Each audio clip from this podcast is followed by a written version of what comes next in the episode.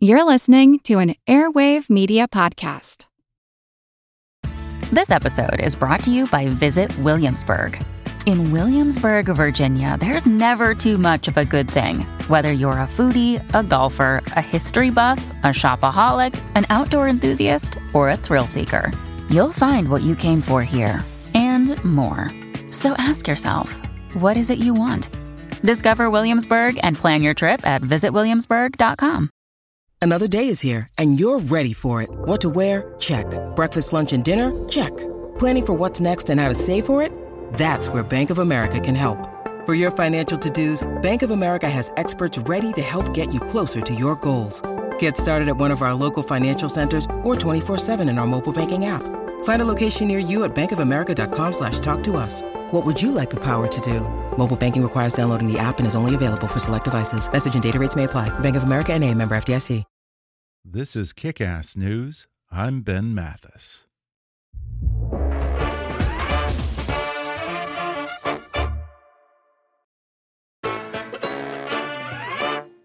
On and off for the next two years, Orson Welles lived with Peter and Cybill. The don't wake Orson rule was put to the test one day when Cybill walked past Orson's room and smelled smoke. Turns out he had was smoking a cigar and he put his put the cigar in his pocket while it was still lit. The burning cigar was in the pocket of Orson's bathrobe, and he fell asleep. And uh, it caught on fire, so he threw it into the bathtub, and he missed the bathtub and hit the carpet, and some of that burned. The next day, Orson gave Cybill the perfect gift for when you nearly burned down someone's house a beautiful hardback book on opera. And inside, he had drawn a picture of a house burning and a, and a ladybug in the foreground screaming. And it said underneath, he wrote, Ladybug, ladybug, fly away home. Your house is on fire, and so is your house guest. Love Orson. that, that was that. That was a clip from Turner Classic Movies' new podcast, The Plot Thickens. And the Peter who's telling that story is acclaimed filmmaker Peter Bogdanovich. In this first season of The Plot Thickens, TCM host Ben Mankiewicz interviews Bogdanovich about some of the classic films he's directed, like The Last Picture Show, They All Laughed, and Paper Moon, his famous battles with the studios, his personal tragedies, and his friendship with Orson Welles and other Hollywood legends who came before him. The Plot Thickens, I'm Still Peter Bogdanovich is now out on Apple Podcasts, Google Podcasts, Spotify, and other podcast platforms. And today, I'm thrilled to welcome Ben Mankiewicz and Peter Bogdanovich to the show. Ben talks about his eight year friendship with Peter Bogdanovich and why he was initially nervous to meet Peter because of a controversy involving Ben's grandfather, Orson Welles, and Citizen Kane. Peter shares some stories about his friendship with Welles and also Hitchcock, Howard Hawks, John Ford, and many others, and how their advice kept him from making some rookie mistakes when he finally sat in the director's chair himself. He remembers making his first movie for Roger Corman with horror icon Boris Karloff, how he tricked the government of Singapore into letting him film the movie Saint Jack, and the scene that earned a nine year old Tatum O'Neal an Oscar for Paper Moon, but only after a grueling 25 takes.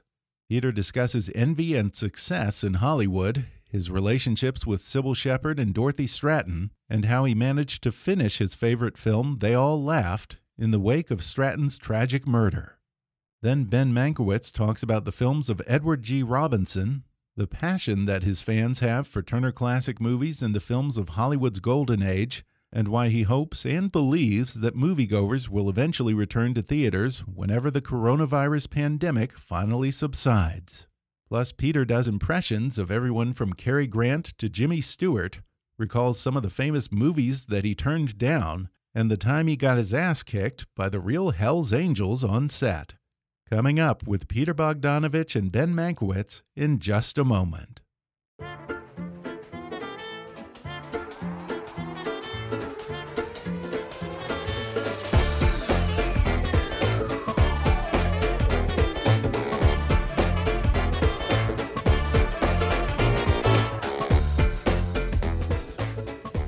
My guests today are film critic and host of Turner Classic Movies, Ben Mankiewicz, and former film critic turned director Peter Bogdanovich, known for such acclaimed films as The Last Picture Show, Paper Moon, What's Up Doc, Saint Jack, They All Laughed, The Cat's Meow, and other great movies. Now they're working together on a new podcast for Turner Classic Movies, which follows Peter Bogdanovich's remarkable career his personal and professional ups and downs, and his friendships with many legendary filmmakers of Hollywood's golden age. The podcast is called The Plot Thickens. Peter and Ben, welcome. Hi. Uh, thanks for uh, thanks for having us, Ben. Well, I really, really enjoyed this podcast. The plot thickens. So many great Hollywood stories in there. And I, I guess that you guys have been pals for what, eight years now? How did this friendship evolve? So uh, I went to Toronto as part of a, sort of publicity campaign for our film festival, which we have every year in the spring. And the idea was to sort of take the festival to towns around uh, the states and obviously in Canada too, because we were in Toronto. And I, and our and we bring a guest, and we we had Peter, and we were going to screen the last picture show and do a Q and A with Peter.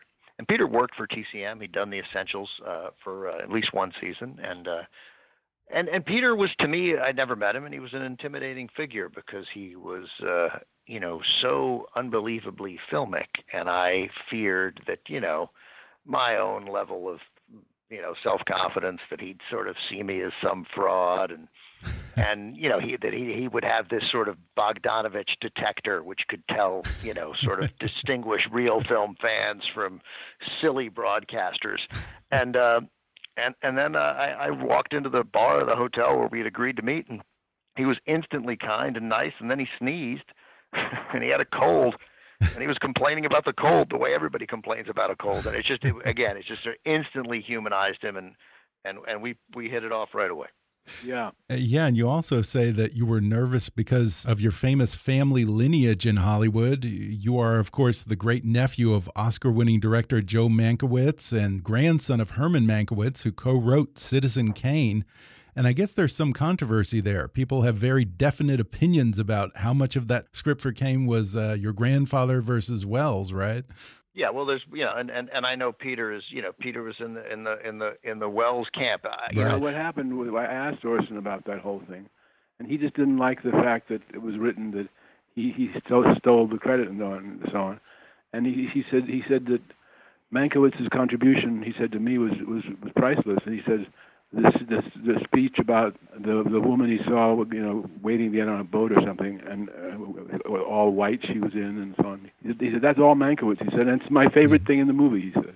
Yeah, so I, I, I sort of have come to this sort of, you know, because it's important to me to sort, you know, it was really important to my dad to defend uh, uh, Herman, and, and I think this all comes out of the sort of rebirth of Kane, right? And then and then that rebirth of the movie, uh, Welles got more credit than I think the my family thought he should have for the screenplay. Huh. And then there's that pushback from Pauline Kael, of which there's plenty to dispute in what she wrote, and that ended up diminishing Welles's contribution. And so yeah. in my head, and and I talked about this with Peter, and I think we can both both live with this that no matter what percentage you want to give Herman credit for the screenplay, that argument misses the point that that's Orson Welles's movie.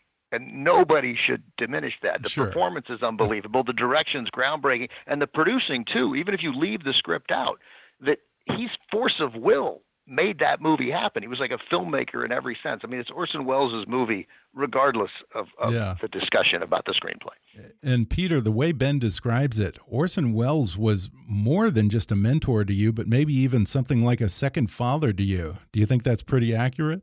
Uh, to a degree. To a degree. Jerry Lewis was once asked about about me and what he thought of me and why I was interviewed all these people. And Jerry said that he said Peter's looking for his father. And uh, he said that all these people I interviewed, all these directors were father figures. He's, he, he was right to a degree. They were all sort of mentors. Uh, John Ford, even even uh, who was surly and mean all the time, but uh, I like.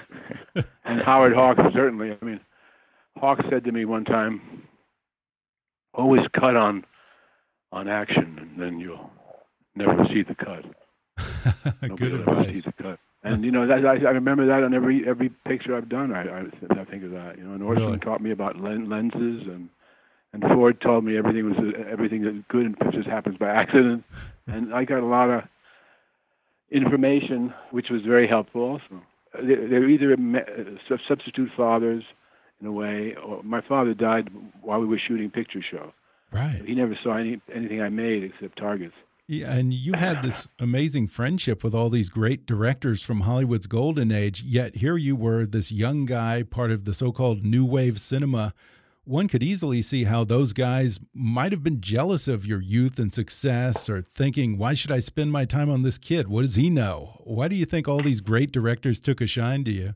I, I think the main reason is because I can say this now that I'm 80.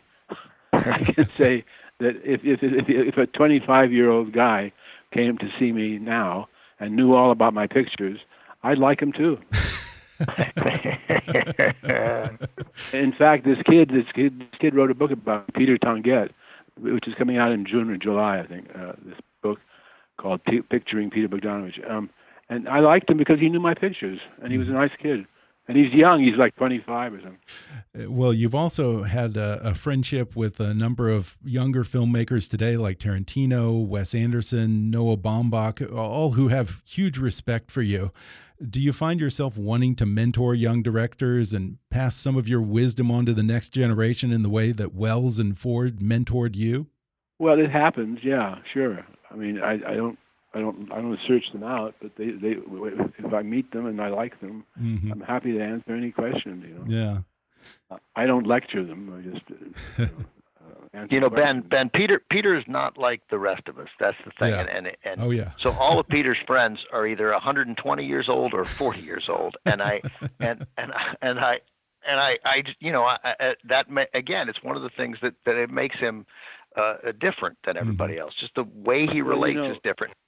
And yeah, and real quick, he didn't just like their movies. I mean, he he came in enormously prepared um, to talk about their movies. So mm-hmm. instantly they got okay. This kid might be 22, 23, 24 years old, 25, but he he knows what he's talking about, and and so that goes to the fact that you know that that sort of lame expression yeah. they frequently used to dogs. Peter was an old soul then. Uh, yeah, and I've heard you say, Peter, oh. that you felt that there was something wrong that a director like John Ford couldn't get a picture made and Orson Welles wasn't working, but you were. Did you maybe even feel a little guilty that there were these legends who were put out to pasture at the same time as you were enjoying a huge streak of hits?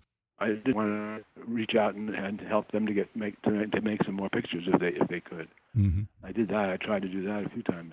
Yeah. And uh, we did we did finally get Orson's picture made. The other side of the wind. That was a, that was a, right. quite an ordeal. Yeah, yeah, just recently but um, yeah, I was frustrated by that. You know, the other the other thing, the reason I think that it, worked with uh, with me and the other directors is because I, I wasn't just I wasn't really just a film critic. I had, I had directed in the theater and acted in the theater, and mm-hmm. I'd, I'd had a lot of experience with show business, so to speak, since I was 15. Because I went and did my first professional work in Traverse City, Michigan, when I was when I was 15. Lied and said I was 16 and I studied with Stella Adler for four years. You know, so when right. I talked to these directors, I um, I was sort of in the business already, even though as opposed to just just being a, a film aficionado. Yeah. Yeah. And you came up in the business just as the old studio system had died out. Uh, do you wish that you yes. could have been a director in that era as opposed to the 70s or yes. today? Very, very much so, because they, they were making movies all the time. Mm -hmm. I mean, well, yeah, Ford made had, had three. Ford had three films released in 1930, 30, uh, 1939. Yeah. Yeah. Three films. Uh, Stagecoach, Young, Young Mr. Lincoln. Uh, three, three extraordinary films in one year. And yet, you've had some famous foulings out with studios, and certainly in the days of the studio systems, directors did have a lot less freedom than they do today. I mean, Louis Mayer or Jack Warner it would just say, "Here's your script. You start in three weeks." Do you really think you would have flourished in such a controlled environment? Probably not. But Hawks, for example, never had any shit. Hardly had any shit thrown at him. Mm -hmm. And um, Ford, he said he had a lot of fights with studios, but he didn't have that many struggles that were that terrible. You know, mm -hmm. Orson did, but uh, sure, but Ford didn't. Well, I've heard you say that it was a bit of a cat and mouse game with Orson Welles because you would always try to get him to admit to certain elements of himself in his movies. I wonder, what do you think was his most personal film? That's a good question. I'm not sure. I never thought of it that way, but I think the other side of the wind was certainly one of them. Um, I think that was a pretty personal film. Ambersons was personal, and that's why he was very upset about that. That that was destroyed. That film, that the last act was just destroyed. Mm-hmm. Hey, That- Peter, would you that- mind uh, would you mind telling Ben and, and the audience the story about Ambersons of, of uh, uh, trying to watch Ambersons in a hotel room uh, with Orson and Cybill Shepherd? Yeah. Well, we he, Orson used to sit next to the TV. uh, I guess this was before they invented the remote, or but or maybe he just liked to sit next to the TV and he kept flipping the channel. And we were talking to us at the same time flipping the channel. And uh, as he flipped one time, I saw the image of, a shot from Ambersons. And I said, "Oh my God, it's Ambersons! Leave it alone, Orson." And Orson said, "No, no, no." And he switched the channel, and then everybody said, "Oh, come on, Orson, we want to see it. We want to see it." So he switched it reluctantly, switched it back to the Ambersons, and walked out of the room. So we we sat and watched it for a while, and then we all kind of felt bad. But then Orson came back and leaned against the door and sort of watched for a while, and then he went and sat down next to the TV, and just sat there. And I couldn't see his face because I, where, where I was sitting, and neither could Cybill. But Oja could see his face from where she was sitting, and she gestured to me after a little while that uh, she ran her finger down her cheek to indicate that he was crying. Wow. And so I, I said, "Oh, come on, I know you don't want to see this." And we switched the channel because he was, I, I, he was moved, you know. And then the next day, I said to him, "You you seem to be very moved watching Ambersons. Um, I guess it's rough to see that that it was cut, recut like that." And he said, "No, I- that's not why I was moved." He said, "I I, I just that just that just makes me angry." But uh, I, I, what moved me is that it's the past. It's over. Of course, it was famously recut, like you just mentioned. So I'm sure that he would have loved to have had a second Oh, crack boy. at that. Uh, Well, the first hour of the picture, I just saw it recently. The first hour of the picture is pretty much the way Orson intended it. It's pretty extraordinary. The last half hour is, is in and out. I wonder when you finally became a director yourself. Do you think Welles, Hawks, Ford, Hitchcock, the advice you got from all these giants kept you from making a lot of rookie mistakes on your own movies? It probably it helped a lot. I'll tell you that. I certainly for the, the whole idea of things, things happening by accident Mhm. and, and being you know let let them let them happen. Um, I certainly use that on on a lot of pictures. Yeah. uh, uh, that and on picture show a, couple of times that happened. For example, the scene by the tank dam, uh, how he used to he saw this land long ago and all that. Um, the sun came out suddenly during that speech. It had been overcast, and the sun came out, and and uh, I gestured to the cameraman who was at some distance from me, gestured to indicate would would would, would, the lighting be okay, and he and he Bob Surtees he shrugged. He didn't know. Now, if if I hadn't been told that let- let- the best things that happen happen by accident, I, I might I might have cut, which would have been stupid. But I would I might have cut and said we got to get the lighting right. But I didn't. I just thought remember what they said and I let it go, and it was wonderful. The sun came out, sun went in, and in and out, and it worked. It, it, the, the exposure was all right. Yeah, and I love that amazing final scene between Cloris Leachman and Tim Bottoms. And I've always heard that you got that on the first take with no rehearsal. Is that true? Well, it's pretty much the true. Uh, we didn't rehearse it at all, and I didn't want I didn't want to hear the words until we were shooting. So I, she said, "Can I run it?" I said, "No, I don't want to see it." so, um, uh, but I had learned that from Ford. Well, actually, through, Henry Fonda told me that for the big goodbye scene in Grapes of Wrath, with, between uh, Fonda and uh, Jane Darwell, the mother, very emotional scene, and uh, Fonda said he wouldn't let us do it for him until we were shooting, and then he got it on the first take. And I remembered that, and so when we, we came to this scene with Cloris, which was a very emotional scene at the end of the picture show, I just said, she said, "Can I run it for you?" I said, "No, I want to see it when we're shooting." And so she was all worked up and everything, and um, we rolled, and she, it was, what you see is the first take. Wow. And she won an Oscar for that. Probably for that scene, even. Yeah, for that scene. Yeah. It was for that scene. Yeah, that scene was amazing. Yeah. And I, Bert Schneider said to me, "Do you sh- you sure you need that scene?" The producer he said, "Do you sure you need that scene? You don't want to end the scene with the picture with um, Tim driving the truck and turning around and driving back to town?" I said, "I said, Bert, I I made the picture because of that last scene." he said, "Oh, okay." I was interested to hear that. I guess you originally weren't very interested in turning that book into a movie, right? I guess it took some convincing, huh? No, I just uh, a couple of people read it, and I asked Polly Platt, who was my wife at the time, to read it, and she read it. She said, "Well, it's a very good book." She said, "But I don't know how you make it as a picture," and that interested me. That how do you make it as a picture? Because I, I always think you can do anything in, in movies. So I was curious to figure out how to do it. So I read it then, and I, I and it interested me. How was I going to make it? Yeah, I came up with a you know very pretty simple answer, which is just shoot the book. so I did. of course, we had to cut some things out, obviously. And now I have to ask you before we move on to tell me a little bit about your time in the Roger Corman School of Filmmaking. You, along with other directors like Coppola and Scorsese, kind of cut your teeth under Roger Corman. In fact, I think that you pretty much went from a PA to a director in what, a matter of weeks or a month or something? No, I was. I, started with Roger as a writer. He asked okay. me to re, to rewrite to do some. He asked me for my opinion of a script, the Wild Angels script. Oh yeah. And um, I gave him my note, my notes, and then he asked me to rewrite it. So I did, and that was how I started with him.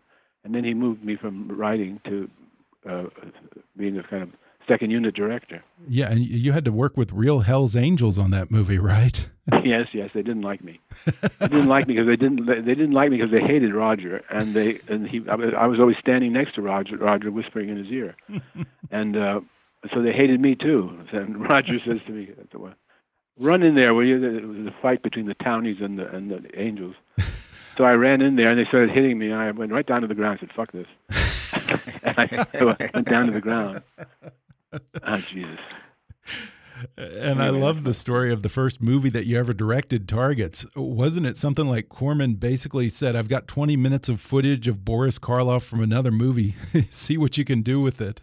Well, it was not not exactly that bad, but uh, it, was, it was sort of. He said he he he said Boris Karloff owes me two days' work, so I want you to shoot 20 minutes of footage with Karloff in those two days you can shoot two, 20 minutes in two days. I've shot whole pictures in two days.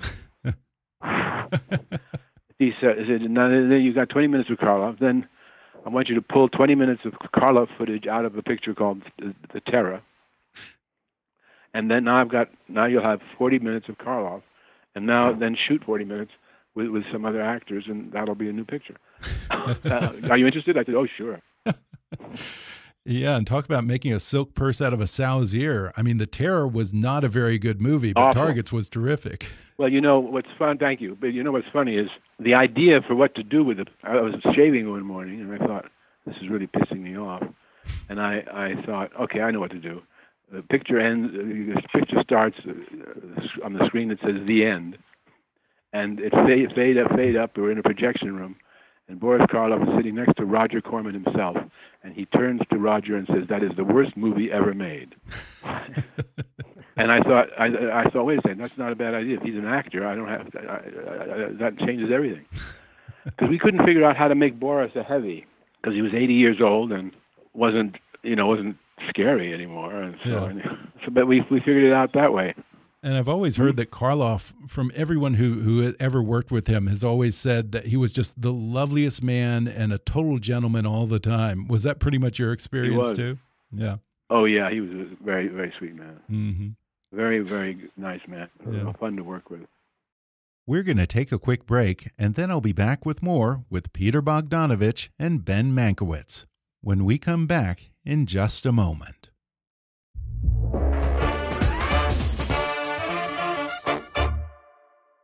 Folks, I want to tell you about a terrific group that does a lot of good in the world and also happens to make really great coffee. I'm thrilled to have Black Rifle Coffee Company as a sponsor of this show. In 2014, Evan Hafer and Army Ranger Matt Best founded Black Rifle Coffee Company to combine two passions developing premium roast to order coffee and supporting the veteran and military community. And recently, they donated over 20,000 bags of coffee to medical workers on the front lines of the pandemic. BRCC offers a variety of roast profiles, all sourced around the world through a rigorous process and roasted in Tennessee and Utah. Evan started roasting his own coffee in 2006 to bring with him overseas during his 20 plus years as an infantryman, special forces soldier, and CIA contractor. Get this, he even refitted his Humvee to roast coffee during deployments. Now, BRCC currently employs 200 vets and plans to employ 10,000 eventually. With the Buy a Bag, Give a Bag campaign, BRCC donated over 30,000 pounds of coffee to troops overseas in 2019 alone. Join BRCC's Coffee Club, a free subscription where your chosen coffee is roasted, packaged, and shipped free to your door and on your schedule. You also receive discounts and gain access to exclusive products, content, and more.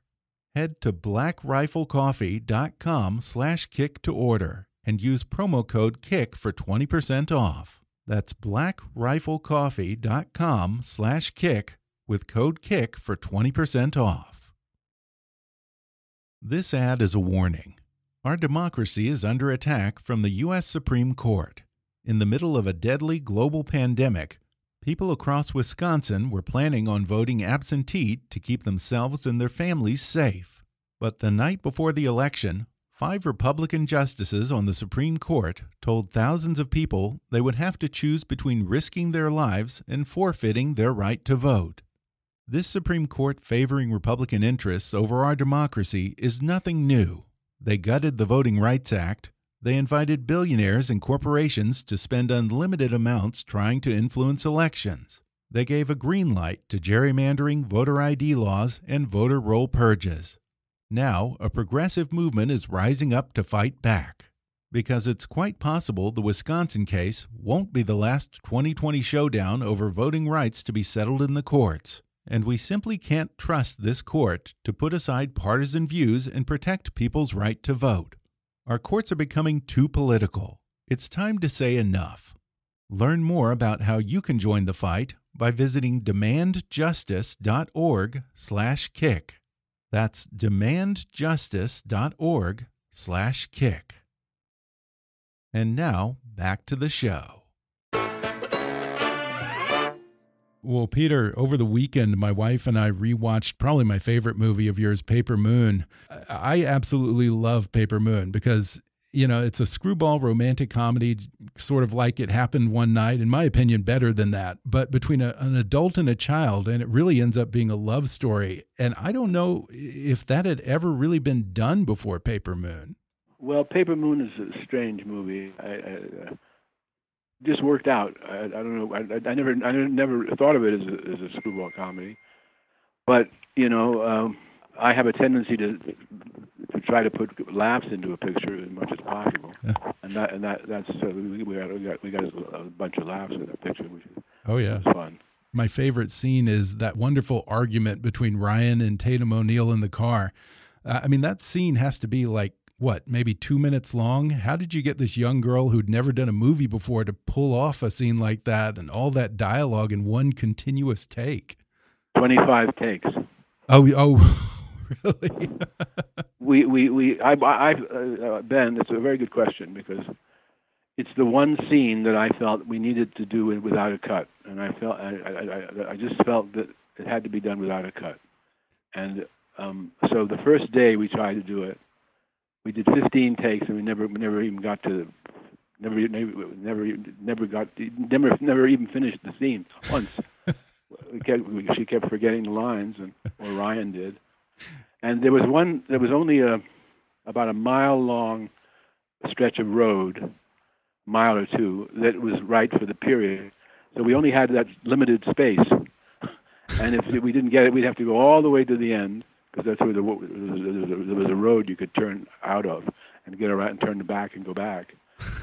and so we'd go, we go the whole distance. We, we she'd fuck it up within five lines, and and uh, we'd have to go all the way down to the end, back up, to, to turn right, back up, but all the way back, turn around, back up, and do it again.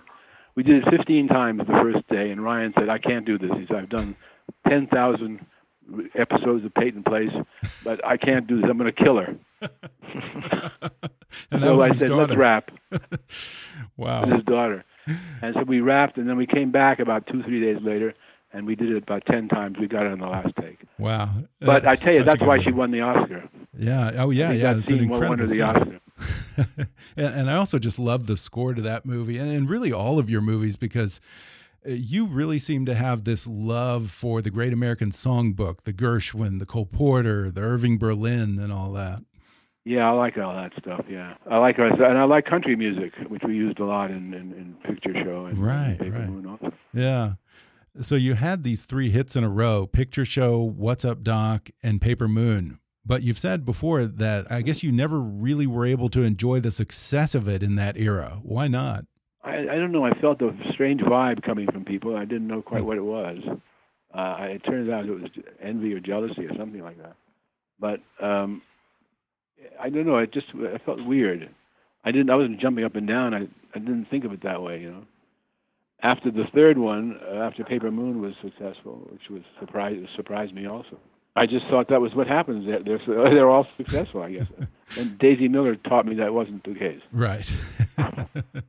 I wonder if you think that maybe some of the jealousy or the animosity from people in this town was maybe because of the fact that you had been a critic and kind of been on the other side of things, judging films that other people made. I don't know. Maybe I, I wasn't really ever. I never really was a, a film critic. I, I was. I wrote about wrote about film. Right. I ma mainly wrote about things I liked, mm -hmm. and also I did. I did. Uh, you know, interviews with with directors for the Museum of Modern Art and so on. Mm. Maybe some. Maybe maybe, maybe some of that was there. I don't Yeah. know. Maybe they was pissed off because I had a girlfriend named Cybill Shepherd. I don't know. Who knows? Who knows? That's a pretty good reason for sure.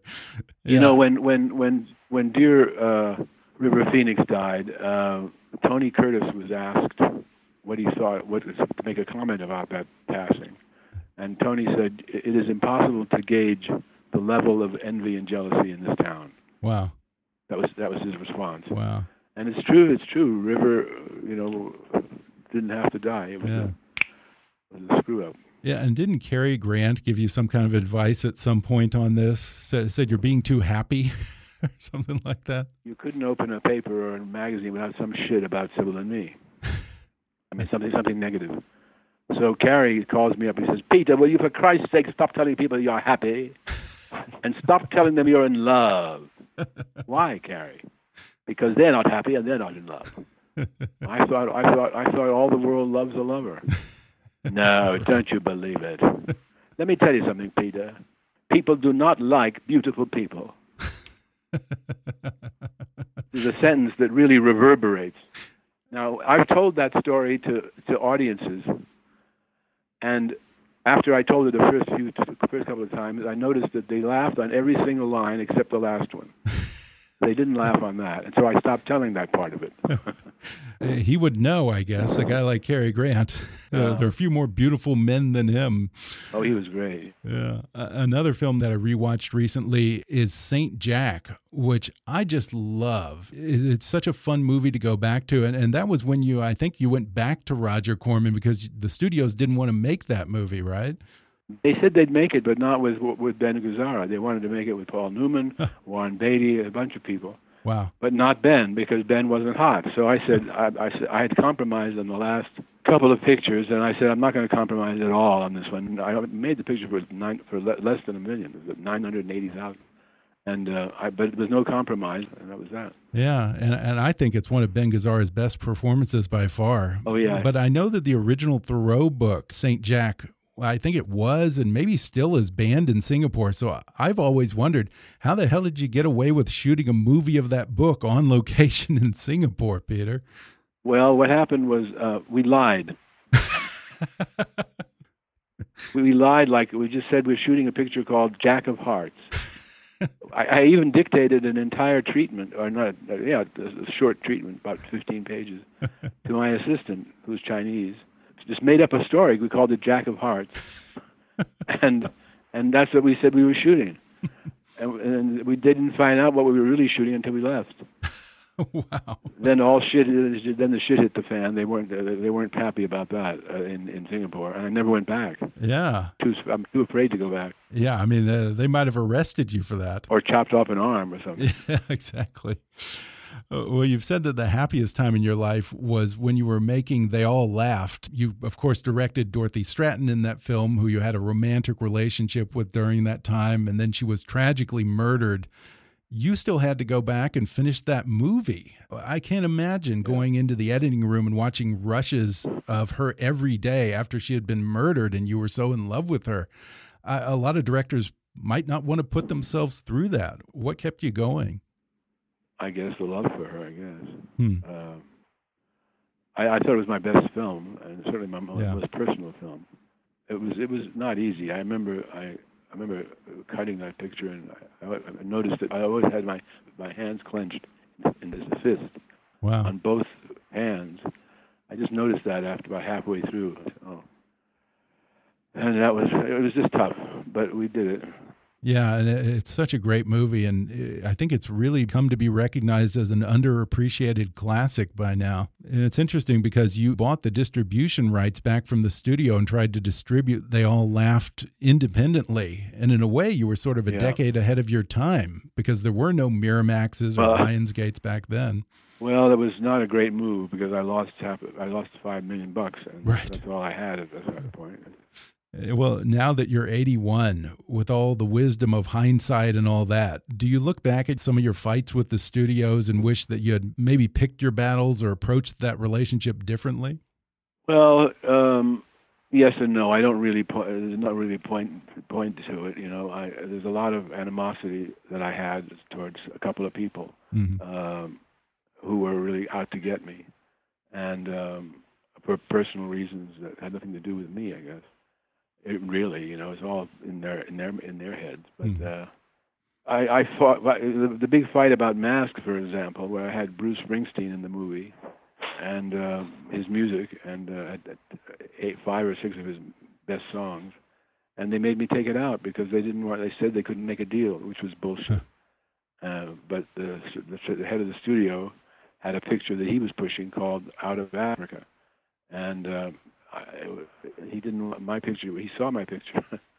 he saw the picture, mask with the music in it, and it was it was overwhelmingly powerful. It was obviously uh, a really good movie, and the music made a difference because you know yeah. Rocky, the boy that it was about, he was a big fan of Bruce's, so it, it, it was all all worked. And they put Bob Seger in, who's very good, but he wasn't wasn't Bruce Springsteen. Mm-hmm. Yeah, yeah, it's a great film, and I think that they've added oh, back in the Springsteen music more recently, haven't they? Oh, I got it uh, twenty years. Twenty years later, I got it all all put away. I put eight minutes back and and put in the Springsteen. Do you have any regrets about movies that you may have passed on because you have turned down some great scripts? Chinatown, The Godfather, Exorcist, uh, The Way We Were. I think you've also passed on The Long Goodbye, if I have this right. Are there any of those you look back and you think, gosh, you know, I kind of would have liked to have made that? What was the last one you mentioned? I may have this wrong, but the long goodbye is that was that another one you passed on? Yeah, yeah, yeah. That was one. Yeah. Yeah. Um, well, there was always a reason. I, I actually, I actually don't regret any of them, uh, except maybe Chinatown. I didn't give that much of a chance because I, I, I, I was kind of a little bit arrogant on that one. Um, really? I remember I called I called Nicholson and I said, if "We're going to do Raymond Chandler. Why don't we do Raymond Chandler?" And um, that that was sort of that was the end of that. Um, the Godfather, I didn't feel like doing. I still wouldn't wouldn't wouldn't. wouldn't I thought Francis did a good job, but I, I just I, I wasn't into mafia. I wasn't into that story. And The Exorcist, I hate movies like that. I hate stories like that. I just I wasn't interested in that one. What what did you what the gore or what what was it that you didn't like about it? The Exorcist and the all the devils in you and all shit. I, I, I, I couldn't see myself doing that. Yeah. I think Billy did a good job, but I, I wasn't it wasn't my kind of. Yeah. I, I didn't turn him down because I didn't think I didn't, I didn't think the scripts were I didn't think the scripts or, or the project were bad. I just mm-hmm. wasn't it wasn't for me. Well, Ben mentions in the podcast that I guess you still watch movies almost every day. What are some of the films that you've watched recently? I don't watch uh, them as much as made, it made it sound like I watch them all the time. I don't really. Yeah. I, I do constantly check. I do constantly check TCM to see what's playing uh, all day. and if it's something, if, if it's something I like or I'm interested in, I watch some of it maybe, but not necessarily the whole thing. The, this, yesterday, I think the Searchers was on, and I kept switching from the news to the Searchers just to see some of it. How about you, Ben? I mean, you must watch a ton of films for your job as a critic and a host at TCM. What are some movies that you've enjoyed or maybe even re-enjoyed recently? No, well, there's you know so many, and uh, you know, I mean, we've uh, in in May our star of the month is uh, Edward G. Robinson, so I've caught up on some of those, and you know, it's just sort of just interesting the the decisions we make about people. You know, as we you know, we had one night where he, some of his tough guy roles, but there are only a handful of movies where he authentically played a gangster. And I think it relates a little bit to Peter too. Like you, if you make a splash early, the die is cast of of how we think of you. And even though Robinson proved to be this incredibly varied uh, uh, actor, right? A, right. He can do, do comedy, Yeah. he can do drama. He can, you know, our vines have tender grapes, and uh, but he's still this uh, uh, gangster. And part of it that he was so good at being a gangster. I mean, he invented that way of talking to such an extent that crime bosses uh, across the United States sort of began seeing themselves as Edward G. Robinson characters, began seeing themselves as Rico. I mean, those movies, I don't know that I find them terribly, you know, they're not exactly the typical comforting movies during the current situation Sure. we're all in, but any movie that sort of, you know, makes you feel, right? Mhm. That's what Peter's looking for in his movies. It ma- moves you in some way. It doesn't have to be to tears. It just reaches you. They all, that really connects. And then Yeah. as far as new movies, I saw the, like, a Bad Education, the, you know, the, the Hugh Jackman, oh yeah, Allison Janney great? movie. Yeah, Ah, so wonderful. Such a good film. Peter would, Yeah. uh, would unquestionably enjoy that. yeah, yeah. You Right, got to see. which one? What, which one is it? It's an HBO movie. What's it called? Yeah. It's an HBO movie called Bad Education with uh, Hugh Oh, I heard Jackman, about Allison Janney, based on a true story. It's quite quite good. Yeah, yeah, you would you would love it. Yeah, it's funny because Edward G. Robinson, he's so so known for all of his gangster roles, but whenever I think of Edward G. Robinson, I can never get out of my mind that scene from the Ten Commandments where just Edward G. Robinson going, "Where's your God now, Moses?"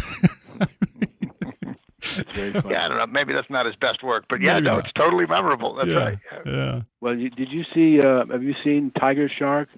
No. That's Edward G. Robinson. One of his first movies was directed by Howard Hawks. Oh wow. Very, very I gotta good. see that. Yeah, we we ha- he loses his arm to a tiger to a to a shark uh, in it. We we have that on the on the first night. We have that Thursday night. It's also the Oh, great. first night that I have broadcasting, shooting the intros from my house. So I'm Oh, curious oh how that's gonna yeah, that'll that's be gonna look. Yeah. and Ben, you really do have the dream job hosting movies for TCM. Having come back to sort of your family business later in life, because I think you started out as a journalist, has it been something of a revelation to see what Turner Classics and what all of these great old films mean to the fans?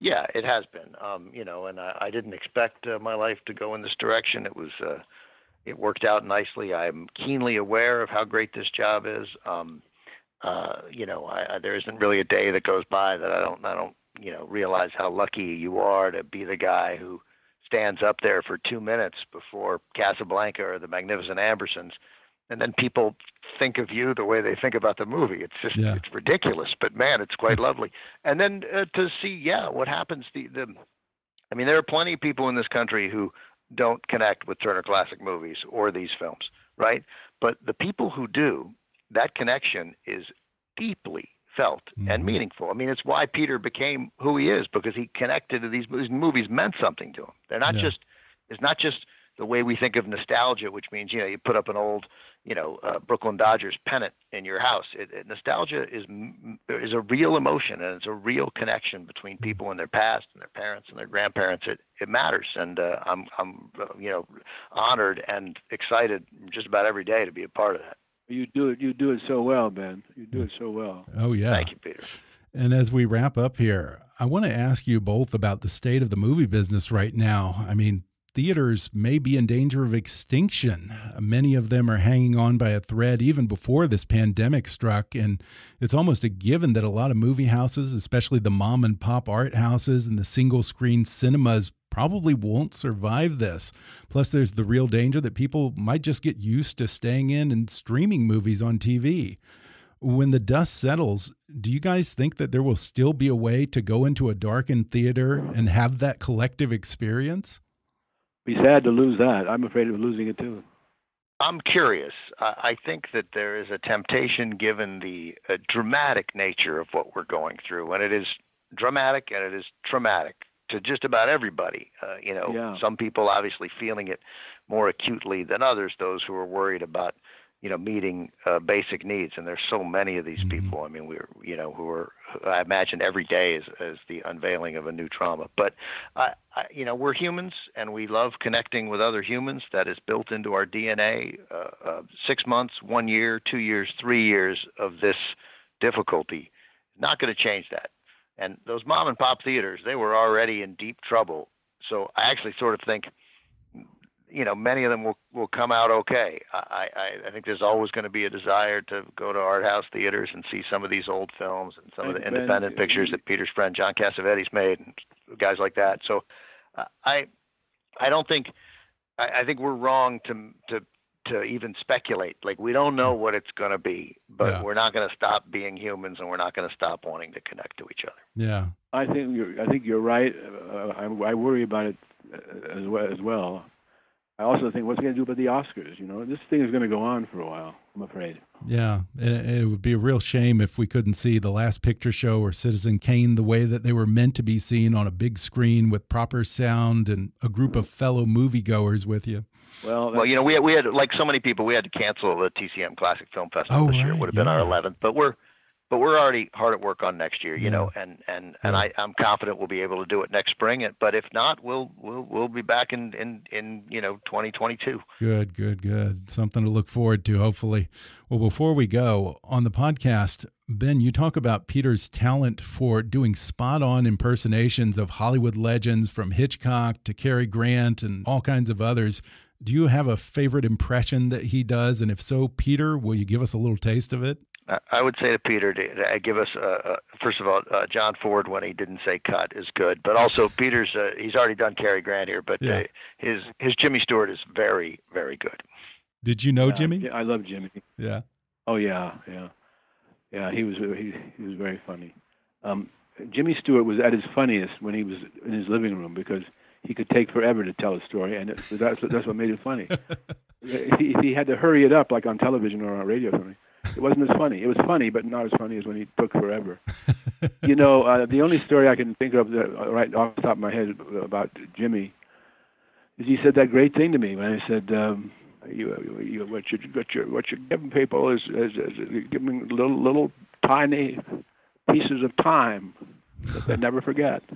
Wow. And that was a key a key sentence. Beautiful. you know, it's funny because what I said it because I it brought the house down, and I, I of course I can't remember the story, but one of the reasons why I wanted to do this podcast with Peter, and believe me, the the uh, Angela Carone and the team that took over and produced it, my idea to do a podcast with Peter completely changed, and and and everyone should should be thankful to Peter that he rolled with those changes and really opened up his life Yeah. uh, to me in those interviews and to us.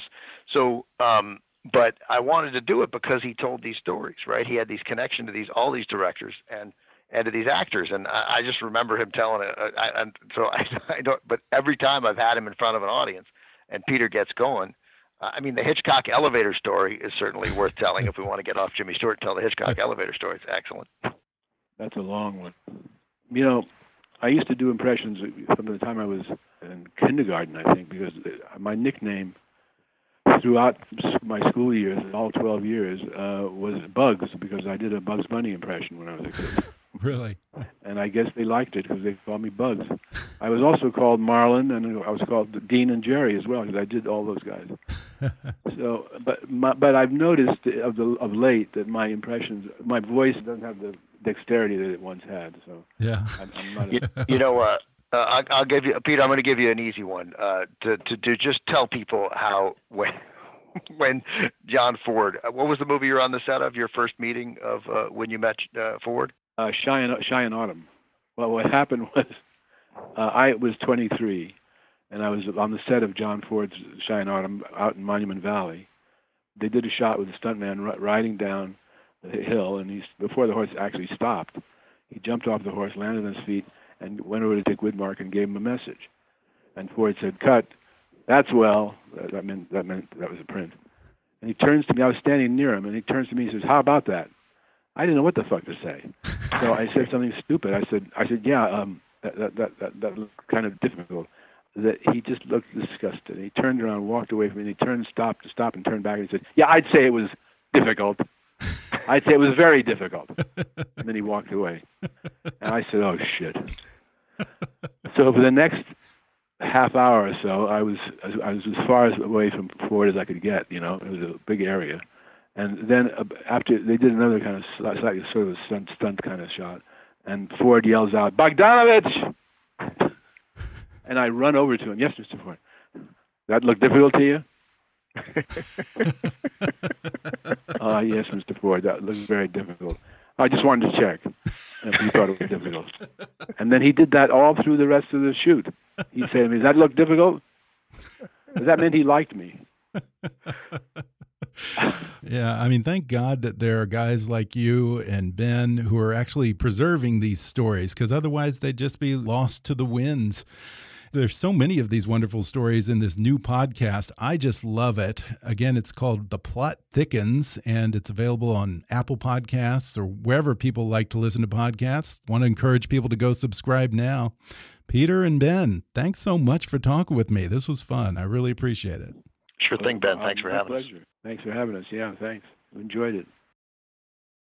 Thanks again to Peter Bogdanovich and Ben Mankiewicz for coming on the show. Subscribe to The Plot Thickens. I'm still Peter Bogdanovich wherever you listen to podcasts.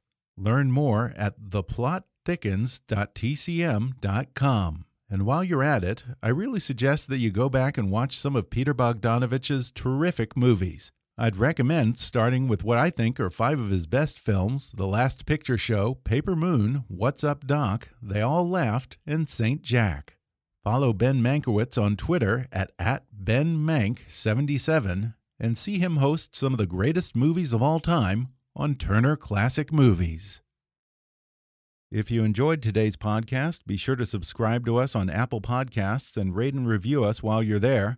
Five star ratings and detailed reviews are one of the best ways for new listeners to discover the show. You can also follow us on Facebook or on Twitter at, at KickassNewsPod and recommend us to your friends on your social media.